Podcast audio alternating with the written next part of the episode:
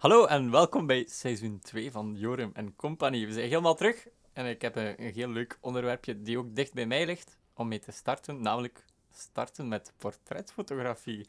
Het gaat een beetje atypisch zijn aan de normale Jorum en Company, want het kan wel zijn dat ik ietsje meer praat dan normaal en ietsje minder mijn gast, maar ik heb wel gezorgd voor een heel leuke en fijne gast hier bij mij. Welkom Anaïs. Hallo. Uh, ik ken je, je was bijna de eerste gast hier die ik nog niet ontmoet. Oké. Okay. Tot vorige week hebben we dan toch nog een shootje samen kunnen doen, want ja, het was inderdaad. gigantisch mooi weer. Um, maar ja, dus vertel ik hier heel kort, wie ben jij en hoe komt het dat ik je vraag voor starten met portretfotografie? Hallo, ik ben uh, Anaïs van Este. Ik ben uh, 21-jarige portretfotografe uit uh, Beernem, dat is dicht bij Brugge. En um, ja, ik ben al um, toch een aantal jaar bezig met portretfotografie, maar ik vind het ook leuk om beginnende fotografen te ondersteunen en eigenlijk tips mee te geven die ik zelf, allez, waar ik zelf ook veel aan gehad heb. Dus uh, het lijkt me wel leuk om dat vandaag met jullie te delen. Voilà, dus uh, onder ideale ondersteuning voor jullie allemaal. Ik kreeg veel, ja, we krijgen denk ik alle twee veel de vraag van mensen die willen starten, dus daarmee dat ik ook een, een heel onderwerp er hier aan wou besteden. En het gaat opgedeeld zijn in een paar deeltjes. Dus we gaan beginnen met welke camera's je kan kopen. Dan hoe dat je je eerste modellen kan, of wie dat je eerste modellen zou, zouden moeten zijn. Wanneer dat je moet starten op Instagram. Hoe dat je eigenlijk moet starten op Instagram. Hoe dat je modellen dan vanaf dat punt kan gaan vinden. Hoe dat je het best omgaat met die modellen. Dat is voor sommige starters ook een beetje raar. Uh, hoe dat je moet editen. Of hoe dat je vooral niet moet overediten. Iedereen kent wel de saturation sliders, die we graag gebruiken in het begin. En dan als laatste hoe dat je creatief kan blijven met je fotografie. Dus ja, we gaan er uh, direct invliegen. Je eerste camera, hoe is dat bij jou verlopen? Ja, dat is eigenlijk um, vrij vroege leeftijd. Ik was toen 15 of zo. Um, toen had ik mijn eerste echte spiegelreflex. Dus dat is zo'n echte, ja, een echte camera, zoals ze zeggen. En um, ik heb dat tweedehands gekocht. En dat was een zeer oud model. Dat was de 350D, dus uh, echt een prehistorisch beestje. um, maar dan ben ik eigenlijk vrij snel overgestapt naar de 57D. Dus oh, dat was ook. Canon. Ja. Dat was mijn startcamera. Ja, ja, inderdaad. Dat vond ik uh, ja, een supergoeie camera. Ik heb daar ook echt, denk drie jaar mee uh, geshoot. En ja, nu zit ik al aan de derde camera en dat is de 6D Mark II. Ja, de, dus de eerste fullframe camera. Dat ja, je de eerste fullframe. Dus bij mij is het een beetje anders verlopen. Ik heb gewoon naar de mediamarkt gegaan. ik heb gekeken naar de merken en dan heb ik daar gewoon een duren uitgepakt en hoop dat het goed is. Dus dat is niet de manier waarop dat je een camera moet kopen. Nee. Daarmee dat we er een paar gaan overlopen, maar we moeten eerst een paar dingen uitleggen. En het eerste is mirrorless versus DSLR. Uh, wat is daar het verschil? Bij mirrorless eigenlijk als je een foto neemt, ga je al in je viewfinder zien hoe dat je foto er gaat uitzien. Terwijl bij jij, jij moet eerst eigenlijk een testfoto nemen. Hè? Ja, ik, neem, uh, ja, ik moet testfoto's nemen. Um, ik heb nog geen ervaring met um, mirrorless camera's, uh, omdat die ook vrij recent pas zijn uitgekomen. En um, ja, ik ben voorlopig nog tevreden met mijn camera die ik nu gekocht heb. Dus, uh, Merk je soms dat je uh, vergeten bent ergens testfoto's te nemen en dat je dan terugscrollt en zegt, ah shit. Ja, soms begin ik gewoon aan een shoot en uh, merk ik bijvoorbeeld ja, dat toch echt niet is wat ik wil. Um, dus nu heb ik dat voor mezelf wel echt besloten om altijd eerst testfoto's te maken. En ik zeg dat dan ook aan het begin van de shoot. Ik ga een testfoto maken, het is nog niet voor echt.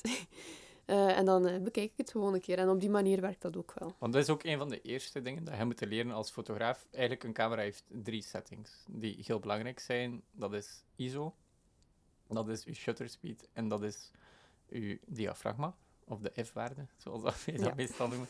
En hoe dat die werken met elkaar. En dat is iets, als je start met fotografie, daar ga je direct al moeten YouTube-video's over bekijken. Je kunt daar een heel lange uitleg over geven, maar dat zijn dingen die je zelf gaat moeten uittesten. Er zijn een paar dingen die ik specifiek ga zeggen voor portretfotografie, die belangrijk zijn.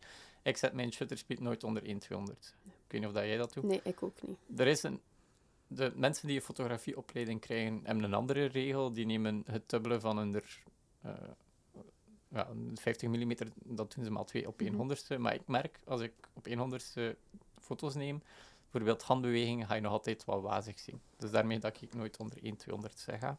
En dan, afhankelijk van de camera dat je koopt, heb je een maximumwaarde van je ISO waarop dat je te veel ruis gaat krijgen. En dat is iets dat je zelf gaat moeten ontdekken. Nu, welke camera moet je dan kopen natuurlijk? Ik heb er drie opgeschreven. Heb jij ook research gedaan of niet? Ehm, een beetje, maar ehm, ik heb me meer eh, gefocust op de lenzen. Nou, oké, Ehm, super. Ja, Dat heb ik iets minder aan. Dus ik heb drie camera's van Canon genomen. Sorry voor iedereen die Nikon of Sony verkiest. Die ga je zelf moeten uitzoeken. Maar ik shoot enkel met Canon, dus ik heb mij daar ook specifiek... En jij shoot ook enkel Ja. met Canon, dus... Ehm, het is de 2000T, de 8500D. En de 8500T is eigenlijk de upgrade van onze startcamera. En dan heb je de Canon RP.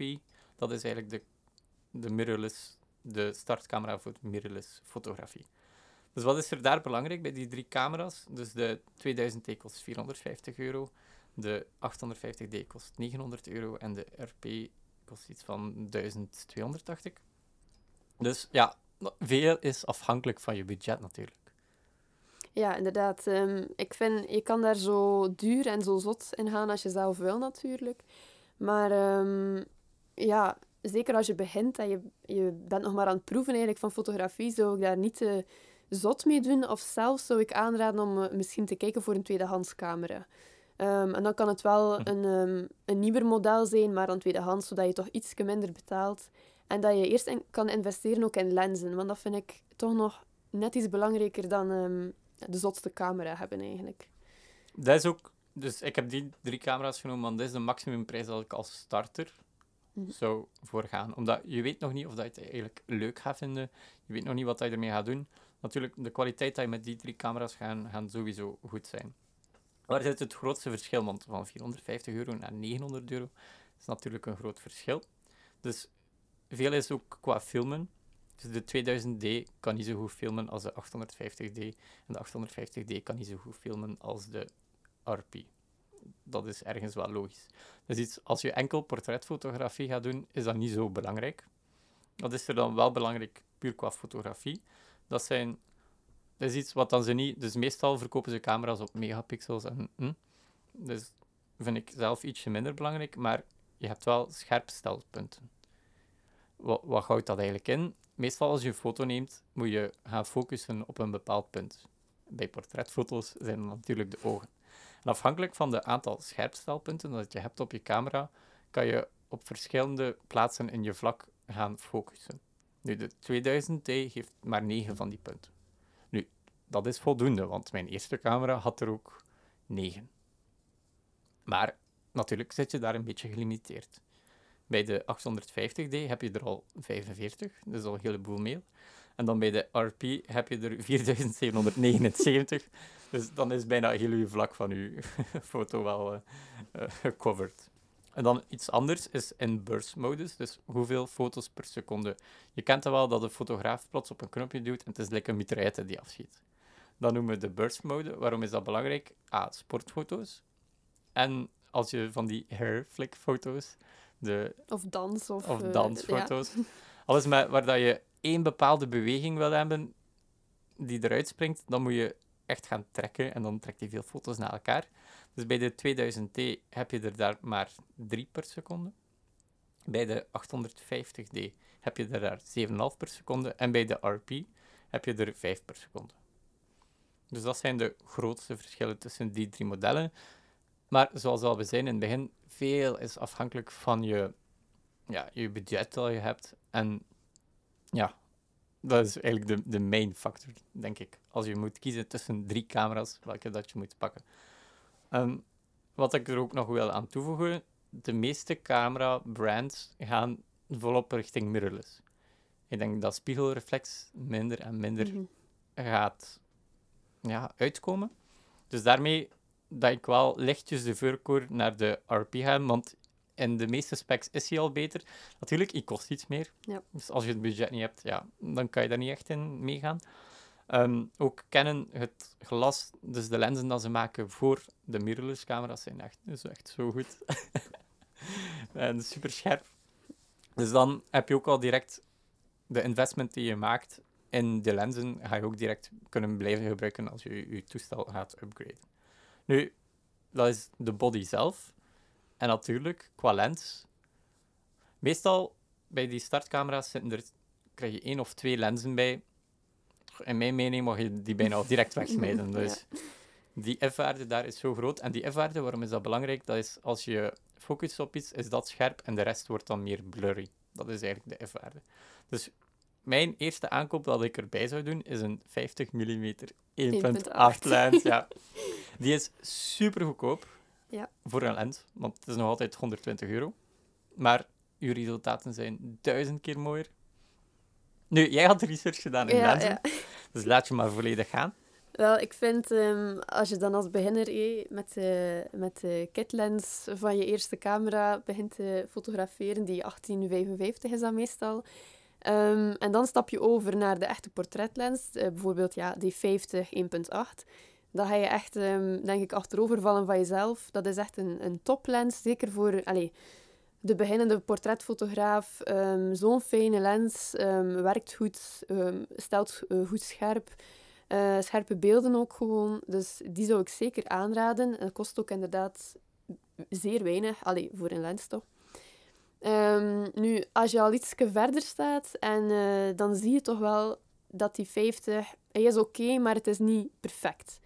En ehm, dan heb ik ook eigenlijk de overstap gemaakt naar bijvoorbeeld een 35 mm 1.4. Ehm, die heb ik gekozen eigenlijk puur voor de 1.4. Want ik wou nog iets meer scherpte diepte, ehm, omdat ik dat gewoon, ja... Nog dat- waziger. Ja, nog waziger. dus eh, geen achtergrond meer, alleen maar onderwerp. Nee. ehm, dus ja, die vond ik ook heel goed en die valt ook goed mee van prijs. Wat zijn volgens u... Wat, wat stoorde u aan de 50 mm? Ehm, dat hij gewoon ook niet zo fijn werkt. Ehm, en ook de scherpte, als ik die twee lenzen dan vergelijk, is die iets minder scherp dan de 35 mm. Maar ik blijf erbij, ja, die 50 mm is gewoon goed voor iedereen. Eh, iedereen kan daar ook mee werken. Het is totaal niet moeilijk, ja. Ik heb twee situaties specifiek dat ik altijd een 35 ga gebruiken. Dat is A, binnen. Ja, Omdat- sowieso. Dus de 50 mm en de 35 mm, dat klinkt een beetje raar. Maar als ik nu een foto neem van Anaïs bijvoorbeeld, die recht over mij zit, met de 50 ga ik haar hoofd mee hebben nu. En als ik op dezelfde afstand sta en met een 35 een foto trek, dan heb ik heel haar bovenlichaam bijvoorbeeld mee. Mhm. Dus die is ietsje meer uitgezoomd. Terwijl dat je op dezelfde plaats staat. Nu, dat zijn geen zoomlenzen, dat is een vaste afstand. Dus je moet altijd zelf vooruit of achteruit gaan als je meer of minder van het lichaam wil. Maar in binnensituaties kan je niet altijd meer naar achter. Dus dan heb je inderdaad die kleinere ja, afstand nodig. En dan, daarin merk ik dat die 35, zeker voor binnen, of als je meer fashion shoo- shoots wil doen, dat je zo echt het hele lichaam in beeld wil krijgen, dan heb je ook die 35. Heb je zo een zoomlens? Want jij gebruikt ook een zoomlens, hè? Ik heb ehm, één zoomlens. ehm, ik heb de 70-200 2.8 ehm, gekocht. Ik denk in 2019, als ik me niet vergis. En toen was ik eigenlijk nog meer in ehm, ja, paarden, portretfotografie, ehm, dieren, hondjes. ehm, ja, dat was wel mijn ding. Dus ik had die lens toen ook gekocht, ook tweedehands, want eh, ik had niet zo'n groot budget toen nog. En die lens is wel redelijk prijzig als je die nieuw moet kopen. Maar ehm, wat ik zo leuk vond aan die zoomlens... eh, normaal ben ik daar ook niet voor. Ik ben meer voor de prime lens, dus met een ehm, vast brandpuntafstand. Ehm, maar eh, die vond ik echt heel goed, omdat je kan inzoomen tot 200 mm. Dus eh, je, ja, je kan echt enorm ver staan van je model eigenlijk. En als je dan helemaal inzoomt, dan verdwijnt de achtergrond compleet. Dus allee, het is een zeer wazige, blurry, ehm, zachte achtergrond. En dat sprak mij ook enorm aan. Ehm, de 2.8 is ook zeer lichtgevoelig. Dus als het al wat donkerder begint te worden, dan ehm, helpt dat ook wel. Ja, daarom koos ik eigenlijk voor die zoomlens. Maar dat is ook de enige die ik heb. Nu, voor portretfotografie denk ik dat je zeker in het begin gewoon die 50 is al Mhm. voldoende. Ik heb daar denk ik heel mijn eerste jaar volledig mee Ja. geshoot. Ik had ook een... Want ik zat met een crop, dus die 57 is een crop. uh, camera. Dus ik had ook een 22 mm lens of zo ergens tweedehands gekocht. voordat mijn shoots binnen. Maar ik merkte, voor alles wat ik in mijn eerste jaar nee, en voor alles gewoon aan te leren, was die 50 zeker meer dan voldoende. Dus ik denk, je koopt gewoon een camera body, ofwel de 2000D, de 850D, de RP, uh, eh, een van die drie. Als je bij Canon wil blijven, als je een ander merk wil, natuurlijk, doe de research. Uh, een goed YouTube-kanaal voor camera's te vergelijken is Jared Polen. Uh, die, doet, die legt alles super goed uit en met tabelletjes en zo. Dus je kan daar zeker een keer naartoe gaan als je twijfelt over merken en je wilt vergelijken. En dan gewoon die 50 mm 1.8 kopen en dan you're good to go. Je kan beginnen met je eerste modellen te gaan fotograferen. En, oh, dat is nu ons tweede puntje, je eerste modellen. Wie waren jouw eerste? Ja, ik denk zoals bij elke fotograaf heeft uh, elk familielid of uh, elke vriend of vriendin er wel moeten aan geloven. Um, ja, bij mij was dat toch absoluut het geval. Ik denk dat ik um, al mijn vrienden wel een keer op de foto heb gezet, meermaals. En uh, mijn familie ook. Ik heb nog een jongere broer en zus. En die um, zijn wel mijn vaste modelletjes geweest doorheen de tijd. En um, ja, daarna ging ik eigenlijk dan... Um, had ik ook mijn Instagram begonnen. En zo kom je wel in contact met, met zeer veel mensen. Maar daar zullen we het later nog over hm. hebben. ja, dus in het begin waren dat vooral vrienden. En daar raad ik ook echt aan. Dat zijn mensen die je kent. Dus je hebt al minder stress, denk ik, om hen te fotograferen. Of, of ja, want dat kan wel stressy zijn. Ja, je kent ze, ze kennen jou ook, ze kunnen je ook feedback geven van dat vind ik niet zo leuk als je dat doet, of dat vind ik super dat je dat doet. En dan kan je gewoon zo blijven oefenen. Um, en daar raad ik ook gewoon aan. Blijf oefenen op die mensen, totdat je eigenlijk van jezelf denkt van oké, dit, is, dit is deftig, hier kan ik wel iets mee. Begint te lukken, ja. ja. En zeker ook de eerste zorgt dat het mensen zijn die wat geduld hebben. Want je moet zo al je instellingen leren ontdekken en hoe dat je ermee moet werken. Natuurlijk, je kunt veel op auto shooten, maar het is beter dat je natuurlijk dat zelf kunt instellen. Uh, dus eerste modellen waarin bij mij ook, ja, ik heb ook al mijn, heel mijn vriendenlijst afgedaan. Ik had geluk, ik had met jullie, waar in wie zijn mhm. huis dat we nu zitten, heb ik eh, een reis gemaakt naar Amerika. En ja, die moest wel op alle locaties mijn model zijn. Dus ik heb daar 10.000 foto's als test kunnen trekken. En dan leer je wel natuurlijk wat dat goed is. Uh, dus ja, kijk, uh, als je wilt starten, boek de reis naar Amerika met, een vriend. Misschien een dure oplossing. Maar natuurlijk, ga heel je vriendenlijst af. Uh, mensen hebben veel liever foto's dan je, dat je denkt. Mm -hmm. En misschien een, een grappige manier om modellen te hebben in het begin is single jongens. ja. Waarom? single jongens hebben meestal nooit aan Tinder-foto's. En die waren altijd zo super blij om dat, er iemand zo een kwaliteitsfoto ja, een deftige foto. foto wou trekken. Dus die staan daar ook zeker voor open. Dus als je denkt van, hmm, die heeft misschien niet zo'n goed Tinder-profiel, eh, stuur hem een berichtje van, hey, wil je een keer samenwerken met mij? Hey, we gaan gewoon in de stad wat foto's trekken. En dan, dan kan je gewoon alles op je gemak leren. Dat zijn mensen waar dat je geen stress bij gaat hebben. Dus dat is ook hoe dat ik, ik denk hoe dan de meesten mhm, daarmee om weggaan. En natuurlijk, meisjes hebben altijd graag foto's. Dus zeker als ze vrienden zijn van jou, komt dat zeker. Ja. Gaat dat geen probleem geven. maar dan.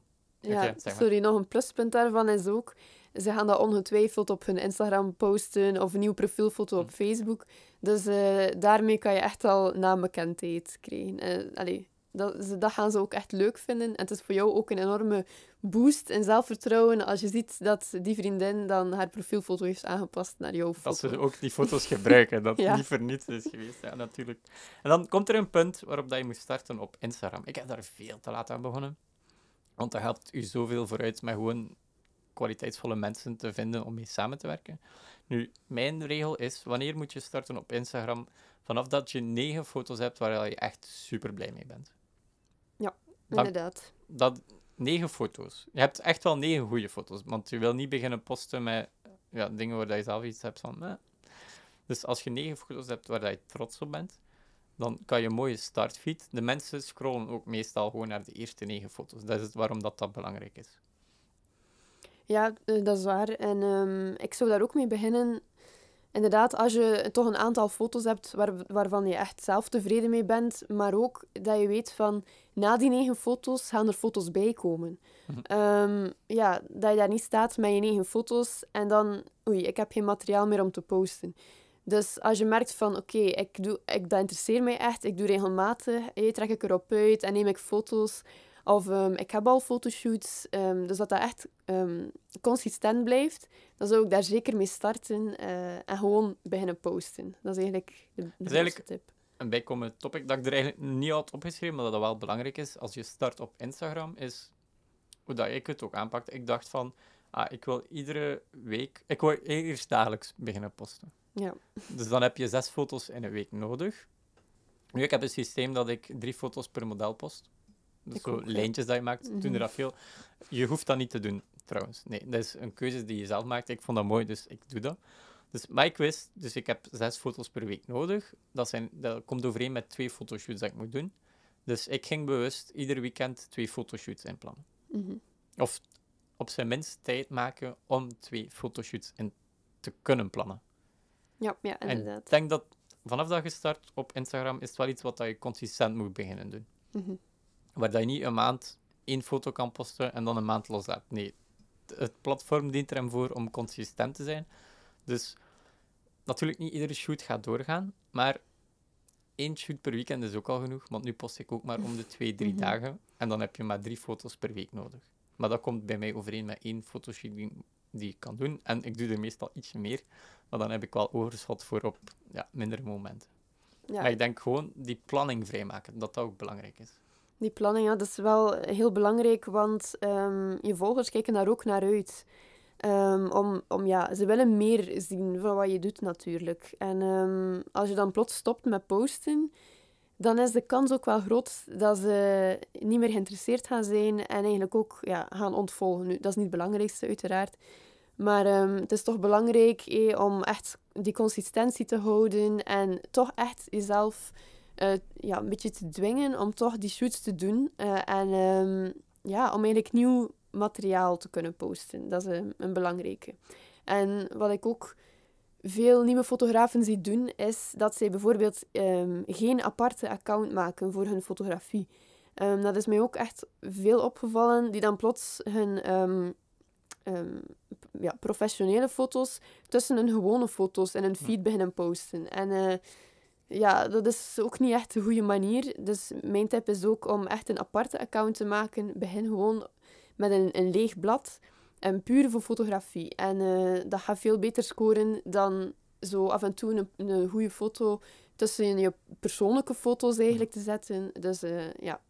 Ja, Dat want eh, je ja. start op Instagram, dus je bent overtuigd van je skill. Je bent overtuigd dat Mhm. er andere mensen dat mooi gaan vinden, die ook gaan samenwerken met jou. Dus durf er gewoon vooruit te komen. Kijk, eh, dit is hier mijn werk, hier kunnen jullie mee vinden.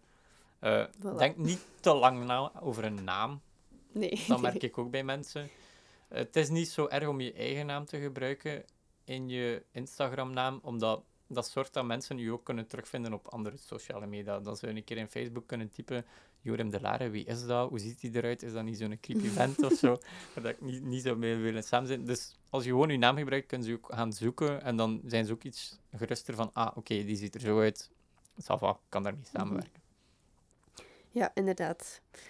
Ehm, ja, als je start met je Instagram, ehm, is het moeilijk om in het begin ehm, volgers of engagement te krijgen op je pagina. En dat is logisch, want je bent nog maar net begonnen. Mhm. Ehm, maar wat ik dan ook gedaan heb, bijvoorbeeld, is wel die aparte pagina, ehm, ja, een beetje reclame maken daarvoor op mijn persoonlijke pagina. En zo merkte ik wel dat mijn vrienden, hup, die begonnen dat direct te volgen. En zo heb je toch al iets van ehm, ja, engagement eigenlijk op je posts. En dat ziet er ook direct veel beter uit. En daardoor gaan je berichten ook iets hoger verschijnen op, op de feed van anderen. Dus eh, dat is een tip dat ik nog kan meegeven. En ja, ik zou zeggen, doe het gewoon. Want Instagram is dé plaats om te netwerken. Om gelijkgestemden eigenlijk te vinden. En om gewoon heel veel plezier te maken. En netwerken, dan zitten we natuurlijk bij het volgende. Ja, ik, ik wil wel. Ik heb wel tijd vrijgemaakt voor mijn shoots, maar ik heb natuurlijk meisjes nodig, die, of jongens. Hè. ik wil ze niet uitsluiten. Eh, ik weet dat ik vooral meisjes trek, maar natuurlijk jongens zijn ook heel goede modellen. Maar ja, hoe krijg je die dan op, die, op je shoot? Ja. Hoe ging ehm, jij aan, in het begin, hoe ging jij te werk? Ehm, wat bij mij eigenlijk gebeurde is, in het begin kwamen er sommigen wel zelf naar mij. Maar daar moet je toch ook een beetje streng in zijn. Want er zijn heel veel mensen die eh, een berichtje gaan sturen van oh, superleuke foto's, ik wil met jou samenwerken. Maar die mensen zitten daartussen die jouw werk niet echt respecteren. Allee, ehm, het is niet puur voor jouw foto's, het is gewoon omdat ze foto's willen. Mhm. En eh, dat merkte ik toch in het begin. Ik zei op alles ja, voor iedereen. En ehm, ja, op, Zeker in het begin kan het ook niet zoveel kwaad, maar je moet Nee. ook nog veel leren. En je moet daar leren leer je ook omgaan met, met ja. modellen. Dus zeker in het begin mag je ook niet te kieskeurig zijn natuurlijk. Maar nee, nee. natuurlijk, je wil niet dat ze je foto's nemen, er een filter op plaatsen. Mhm. Dat is dan meer de influencer meisjes die, Ja. die je gaat volgen. Eh, maar ja, hoe heb, hoe heb je daar dan geleerd van, ah, die mensen sturen mij, met hun wil ik samenwerken, met hun niet? Wat zijn daar...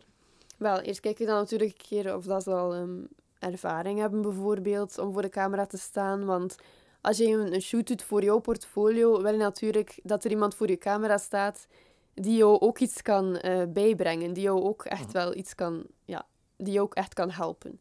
Want als er dan bijvoorbeeld een meisje voor je staat, ja, nog nooit de camera gezien, oké, op zich niet zo erg. Ehm, iedereen is daar om te leren, maar ehm, ja, als ze dan zo heel onzeker is of, of ja, niet super flatterend ehm, ook eh, op de camera of hoe dat ze zich gedraagt, dan kan dat wel soms een probleem zijn.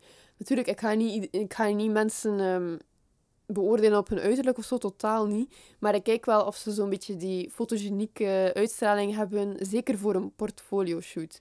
Natuurlijk, als dat klantenshoots zijn, maakt dat niet uit. Maar voor een portfolio-shoot, ja, moet het gewoon goed zijn. Van Hm. beide kanten. Wat ik Ehm, veel ja. merk is... Dus mensen willen altijd eerst ah, te hoog gegrepen modellen. Dat bestaat Mhm. niet, maar zo Ja. meisjes die al... De zotte modellen. Ja, Ja. als ze voor Vogue schieten, gaan ze minder geneigd zijn om met, natuurlijk met een startende fotograaf te werken. En het tweede wat ik merk is dat mensen bang zijn om hun volgers te vragen. Ehm, Dus Maar dat vind ik eigenlijk een van de, de beste dingen dat je kan Mhm. doen. Post gewoon een story van, kijk, dit is mijn idee en ik zoek iemand voor die avond. En ongetwijfeld, binnen de tien minuten heb je Mhm. ehm, tientallen mensen die zeker met jou willen samenwerken. Dus dat is eigenlijk een van de beste manieren om modellen te vinden. dat is, dat is bijna mijn Mhm. starttechniek geweest. Eh, maar wat ik eerst wou zeggen is dus, je hebt mensen die je volgen. Wat, wat betekent dat? Dat zijn mensen die jouw werk leuk vinden. Dus het zou al heel raar zijn. Af en toe heb je er die gewoon foto's leuk vinden, die fotografie leuk vinden en niet zo meteen model willen zijn. Maar de meeste meisjes en jongens die je volgen, gaan ook niet boos zijn als jij vraagt van, wil je shooten met mij? Dus je mag gerust een keer door je volgers gaan en dat vragen aan de mensen die je al volgen. Dus punt 1. Natuurlijk, veel mensen zijn nog altijd bang van, ah, zo'n berichtje sturen, ik doe dat niet graag. Ehm, dan is een story iets makkelijker. Ja, heel laagdrempelig ook voor hen.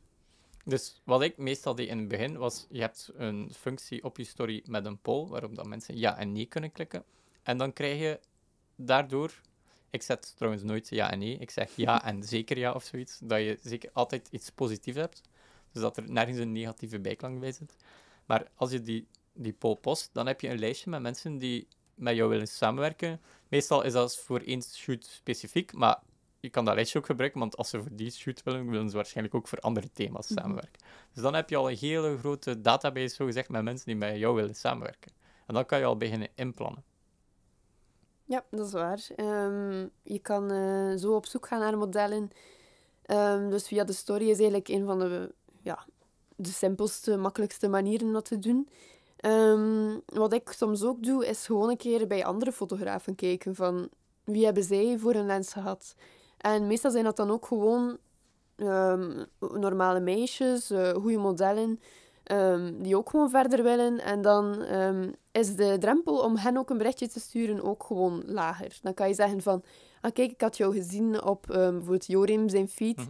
Ehm, ik eh, heb in in gedachten om zo'n soort shoot te doen. Zie je dat zitten, om ook een keer met mij samen te werken of zo.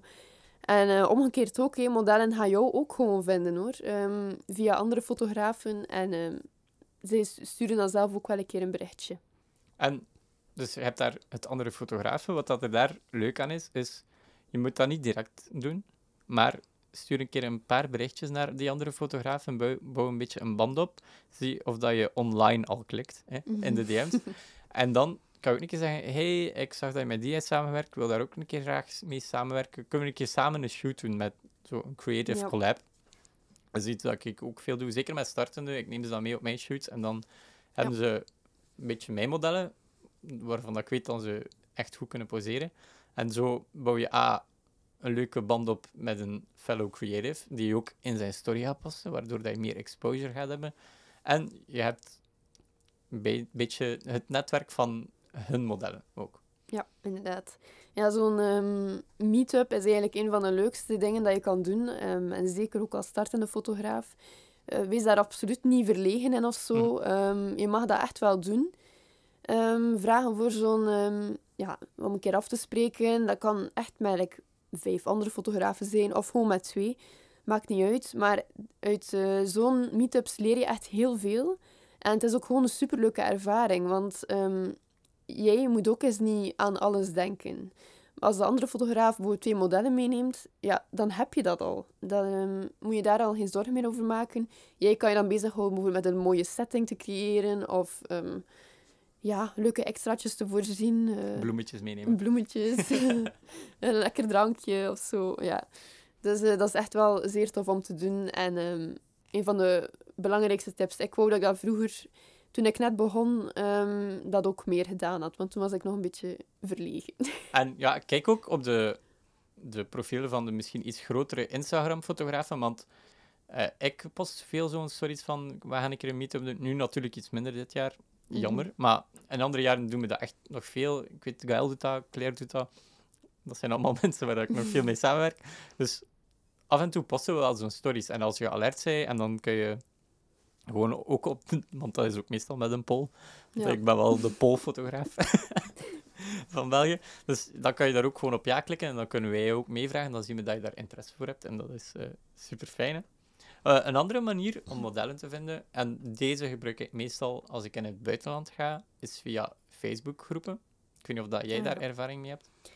Ja, dat, ehm, ik heb dat ook al een paar keer gedaan. ehm, maar voor mij is dat de... allee, ik doe dat niet zo ehm, vaak. Bij mij is het meer Instagram eigenlijk. Ja, van mij ook. Maar ja, in het buitenland is het soms Mhm. ietsje moeilijker. Dus je hebt iets op Facebook wat dat noemt TFP-groups. Dan Ja. Trade for Portfolio. Met andere woorden, eh, jij krijgt foto's, ik krijg een model, win-win situatie.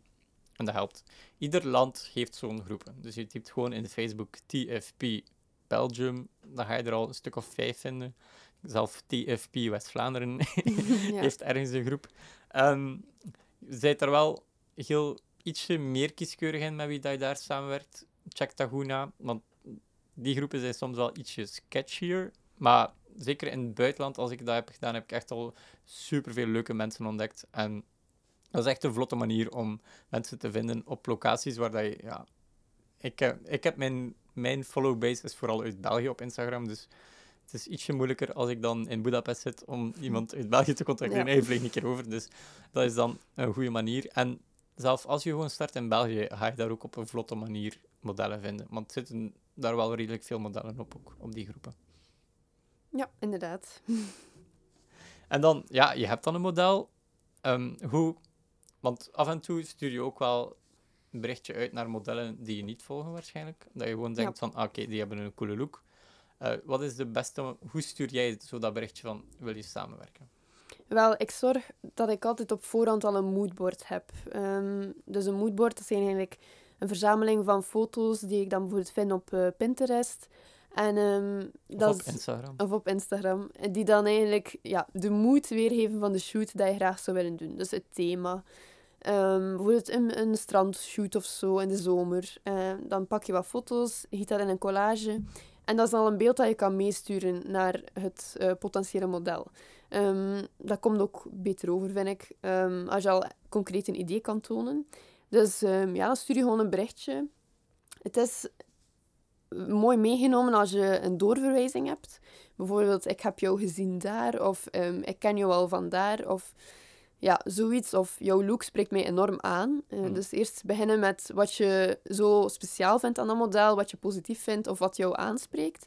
En dan eigenlijk concreet jouw vraag ehm, stellen. Dus voor die tijdsperiode, de datum, ehm, zo lang gaat het duren, zie je dat zitten, ja of nee? Ehm, ja, en dan stuur ik het gewoon eigenlijk. Ja, mijn standaardberichtje was meestal: Hey, ik vind je stijl echt cool. eh, zou je een keer zien zitten om samen te werken? Eventueel met moodboard of eventueel ik heb dat in gedachten. Mhm. Dat is iets wat ik meestal doe. Weet, ja, niet iedereen gaat erop antwoorden. Dat is ook oké. Je hebt maar gewoon één iemand nodig die ja zegt. En je kan iets leuks gaan creëren samen. Dat is vooral het belangrijkste. Ja, niet iedereen gaat je stijl leuk vinden. Dat is nu gewoon eenmaal het leven. Niet iedereen heeft tijd op dat moment in hun leven. Ja, dat kan ook gebeuren. Dus zit daar niet te veel mee in. Ze zijn dat ook gewoon om zo'n berichtjes te krijgen. Je moet daar echt... eh, ik weet, die drempel is soms moeilijk voor, voor beginners, maar Dat maakt eigenlijk Gewoon echt durven. uit. Ja, gewoon dan- doen. de mensen die ja zeggen, dat ga je zoveel opbrengen.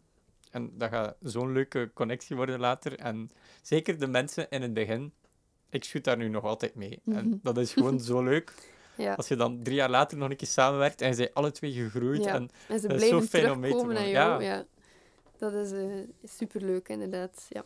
dan ook belangrijk, dat hoor ik veel modellen dan meer over klagen, is dat ze... Dus je hebt iets afgesproken en dan gaat de fotograaf om de minuut sturen. eh gaat het nog door? Heb je antwoord niet? Doet dat dus niet. Hè. Wacht gewoon op hun antwoord. Ze gaan, ze gaan heus wel, als ze één keer hebben geantwoord, gaan ze wel je berichtjes lezen. Blijf gewoon beleefd. Val ze niet aan. Je weet niet hoe druk dat ze het hebben op dat moment. Um, heb een beetje geduld. Ja. Alles komt goed. Eh, iets wat je ook wel moet meegeven, veel shoots worden ook afgezegd. Dat, Ja. is, dat is nu eenmaal een dingetje. En meestal ook echt redelijk last minute. Ehm, ja, er is daar niet echt een verklaring voor. Dat gebeurt soms. We zeggen, dit jaar valt het meer mee. Dat, Ja. dat gebeurde nog veel op zondagen, want ja, zaterdag is natuurlijk... Mhm. Eh, het zit zo voor ons, een fotoshoot dat is een van de, de hoogtepunten Ja. van onze week. maar voor veel meisjes is dat gewoon iets leuks extra. Die niet dezelfde belangrijkswaarde heeft als dat jij daaraan heeft. Ja. Dus ja, af en toe gaan ze dat gewoon minder belangrijk vinden dan iets dat ze dan toch ook kunnen doen. Of ja, ze voelen er niet mooi, of je, je weet niet hoe dat komt. Bad hair day. Ja, of ze voelen er niet zelfzeker die dag. Dus er- er zijn veel factoren, je gaat dat niet weten. Maar je weet gewoon, als fotograaf, shoots gaan afgezegd worden. Bereid er je een beetje mentaal op voor. Ik weet, dat is echt niet leuk. Dat is... Dat is meestal ook niks persoonlijks. Nee. Het is gewoon, eh, ja, ja, dat gebeurt. Je gaat ook veel nee krijgen in het begin. Maar er gaat één iemand zijn die ja zegt en eh, dan ben je vertrokken. Dus dat zijn vooral de dingen waarop dat je moet focussen. En weet ook, als er iemand afzegt...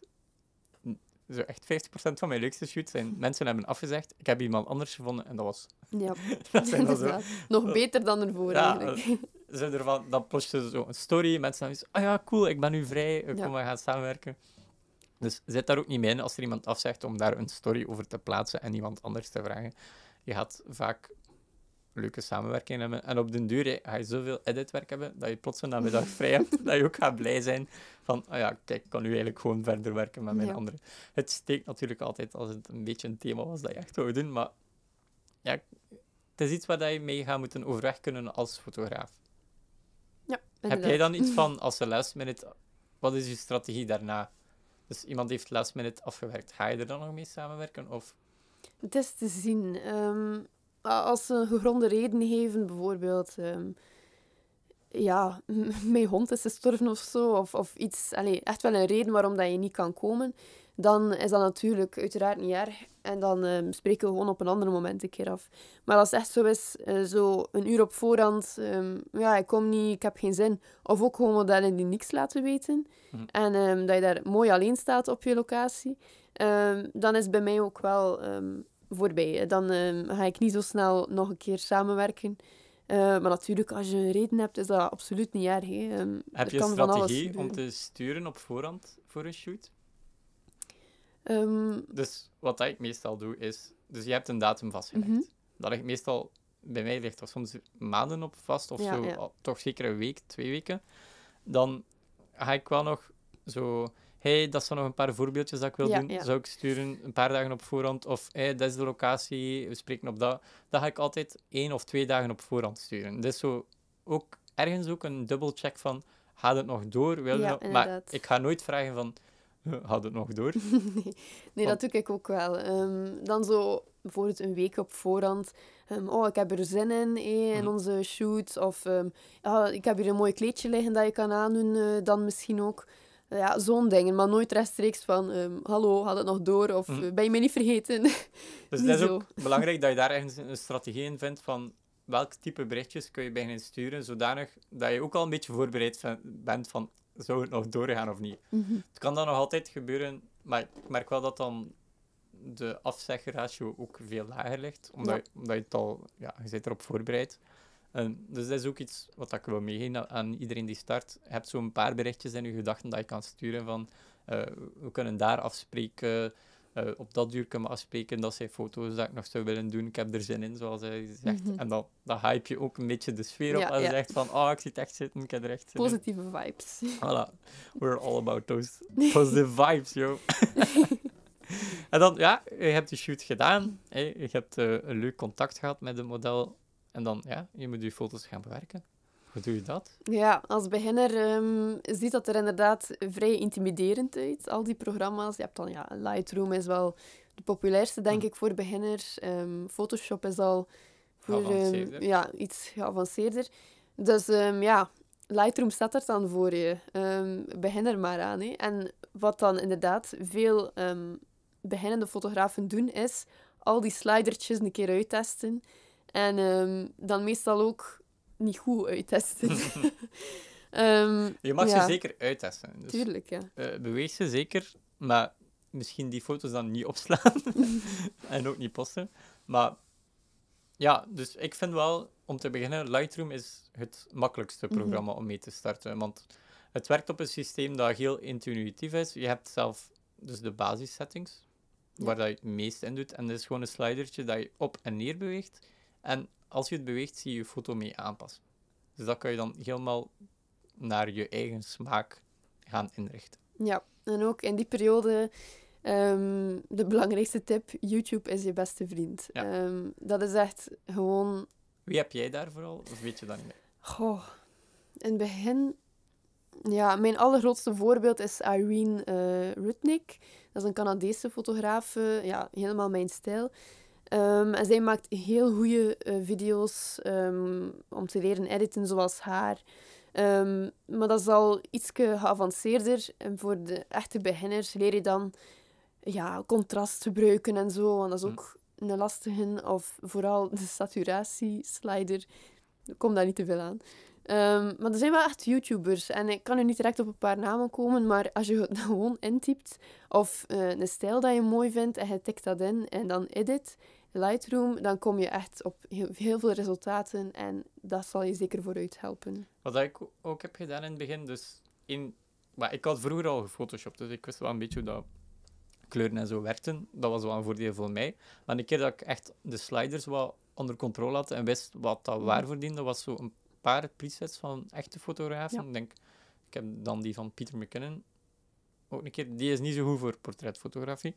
Maar je ziet wel wat dat, wat dat zij doen met hun presets. En dan kun je ook een paar detailtjes gaan oppikken. Bijvoorbeeld voor portretfotografie. Je hebt twee sliders. Eentje noemt texture.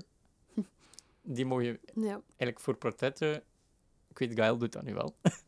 maar eh, ik kom daar meestal niet aan, omdat dat maakt de huid ja, zachter, ja. Niet zo, ja, harder eigenlijk. Als je hem Ja, naar te boven... welke als je hem, dus de meeste doen hem naar boven. En dan maakt je foto wel scherper, wat dan mooi is. En dat is een cool effect. Maar voor huid is dat niet zo elegant. Je hebt wel sharpness, dat is een andere slider, en die moet je wel naar boven doen. Dus dat is iets wat ik daar heb geleerd. Ik denk, de twee fouten die je sowieso gaat maken, is saturation veel te hoog en texture ook veel te hoog. En je gaat dan later terugkijken en gaat denken, ja, nee, dat was niet. En dat is ook oké, trouwens. Ja, dat is het leuke aan ehm, heel dat proces eigenlijk. Ehm, je gaat daar echt in groeien. Je, gaat, je weet nu al op voorhand, je gaat daar echt veel uren in steken. En het- ja, het gaat lastig zijn en het gaat soms niet lukken. Of je gaat niet blij zijn met het resultaat, maar je gaat daar later echt op kunnen terugkijken. Je groeit daar zo hard mee. En uiteindelijk ga je gewoon je eigen stijl gevonden hebben. En ehm, kan je je eigen preset maken dat op al je foto's eh, direct eh, kan toegepast worden. Maar die eigen stijl zoeken, ja, dat is echt een proces. Hm. Daar ben je echt lang mee bezig. Da- Ehm, daar, ben je, daar blijf je mee bezig. ja, iets- blijf je mee bezig. Ja. dat blijft aanpassen, dat blijft veranderen. Maar ehm, op het moment ga je wel... Allee, op een moment komen dat je denkt van... Oké, nu ben ik best tevreden. Dit is wat ik wou. Ehm, ja, in het begin gaat het allemaal niet zo makkelijk verlopen, maar dat is normaal ook. En je gaat daar echt stap voor stap in groeien. Het is wel iets dat je echt moet doen. Want Ja. dat gaat je, de kwaliteit van je foto gaat sowieso verbeteren. En het gaat je foto's... Dus als ze gewoon uit de camera komen, al die foto's zien er hetzelfde uit. Bij, Mhm. Oké, natuurlijk heb je betere camera's en mindere betere, dus dat, dat scheelt wel een beetje. Maar in het algemeen genomen, wat je er niet aan gaat kunnen geven, is jouw accent op die foto. Buiten de Ja. compositie en zo. Maar jouw edit-accent, want mensen kijken meestal naar foto's en ze kunnen die van mij eruit halen, en ze Ja. gaan die, die van jou kunnen uithalen en die van andere fotografen. Daarmee is dat ook belangrijk. Dan, ze, dan mensen een foto zien en zeggen, ah, ja, dat, dat komt waarschijnlijk van die fotograaf. Ja, inderdaad. Dat is eh, een belangrijke. Je wil natuurlijk dat de mensen die jou volgen, ehm, als ze op hun feed kijken, dat ze zonder de naam te zien kunnen zeggen, ah, dat is van deze fotograaf. En een tweede dingetje dat het geeft, is het geeft u ietsje meer flexibiliteit op je shoot zelf. Want je Mhm. weet, dat kan ik nog aanpassen.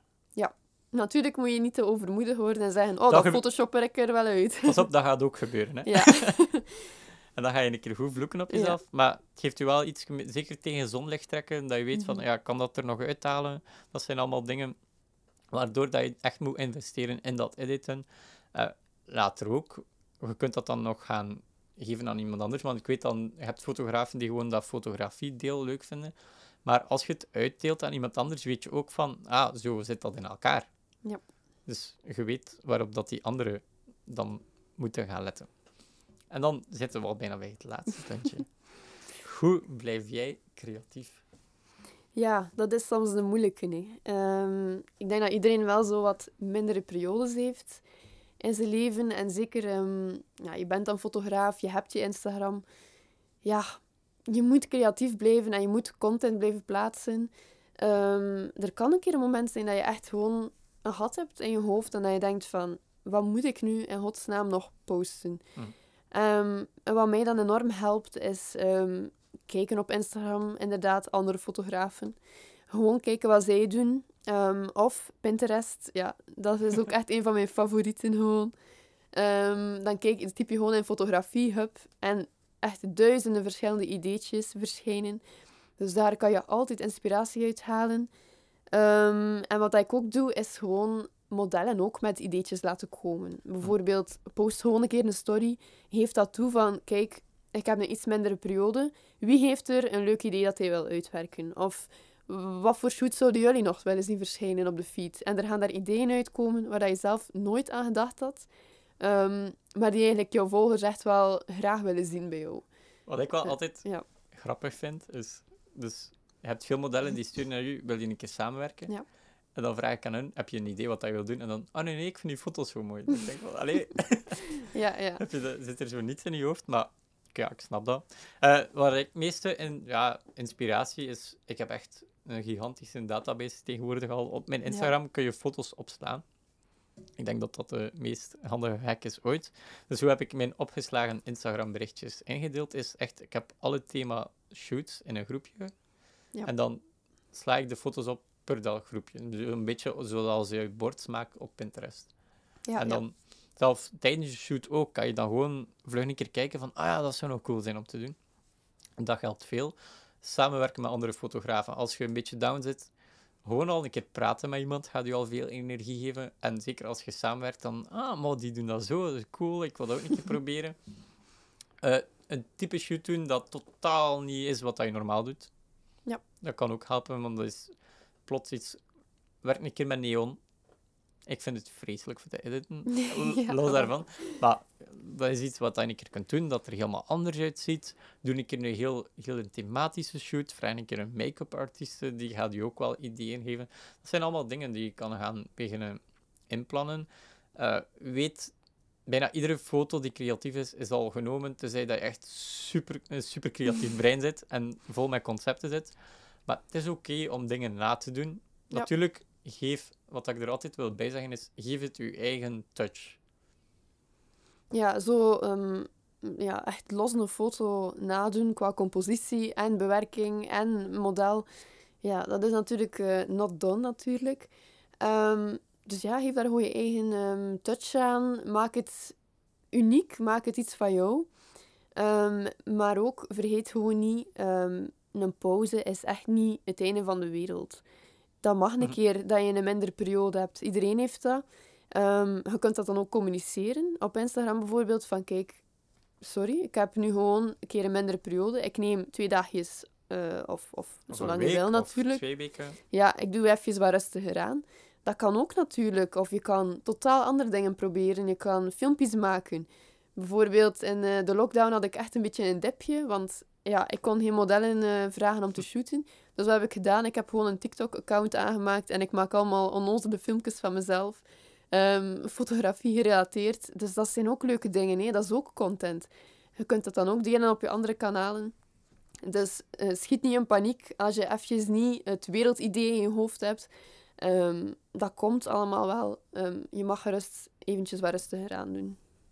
Voilà, ik denk dat we het meeste hebben behandeld. Ik hoop dat iedereen die wil starten met portretfotografie hier veel aan heeft. Uh, wat zijn jouw plannen nog, fotografiewijs? Oeh, um, ja, eigenlijk gewoon beginnen, blijven verder doen zoals ik nu doe. Um, ik, je wil wel meer natuurshootjes, hè, dacht ik? Um, ja, ik uh, hou wel gewoon van de simpele fotografie, allee, portretfotografie uiteraard. ja, en huwelijken wil ik ook beginnen doen uh, en daar echt in groeien. Dus dat is iets voor de komende jaren. En ik krijg nu ook meer aanvragen, dus het begint echt goed te lopen eigenlijk. Dus ah, ik ben content. Waar kunnen de mensen je vinden? Um, ze kunnen mij vinden op zowel Facebook, Instagram als TikTok, zoals ik al zei. Um, en um, dat doe ik onder de naam Anagraphy. dus... Eén N? Nee. Of twee N? Uh, één N, ja, één ja, N. Uh, A en A en dan Graffy. Graffy, ja, super cool, catchy naam. um, ja, dus zo kunnen jullie mij vinden. Um, je mag mij ook altijd een berichtje sturen. Ik, uh, zoals ik al zei, sta ik ervoor open om iedereen met, voor, met uh, tips te voorzien. Of een keer te helpen. Of wil je eens een meet-up doen, hit me up. Hey, ik sta altijd open voor iedereen. Dus Voilà. Je hebt het hier gehoord. Uh, hit, slide in those DM's van Anography. Uh, hartelijk bedankt dat je deze podcast wou doen. Ik ben helemaal blij dat ik hier een, nieuwe, een tweede seizoen, zoals ik zei, mhm. kan starten op deze podcast. Dus uh, verwacht nog meer content in de volgende weken. Maar bij deze, dank u wel en tot de volgende.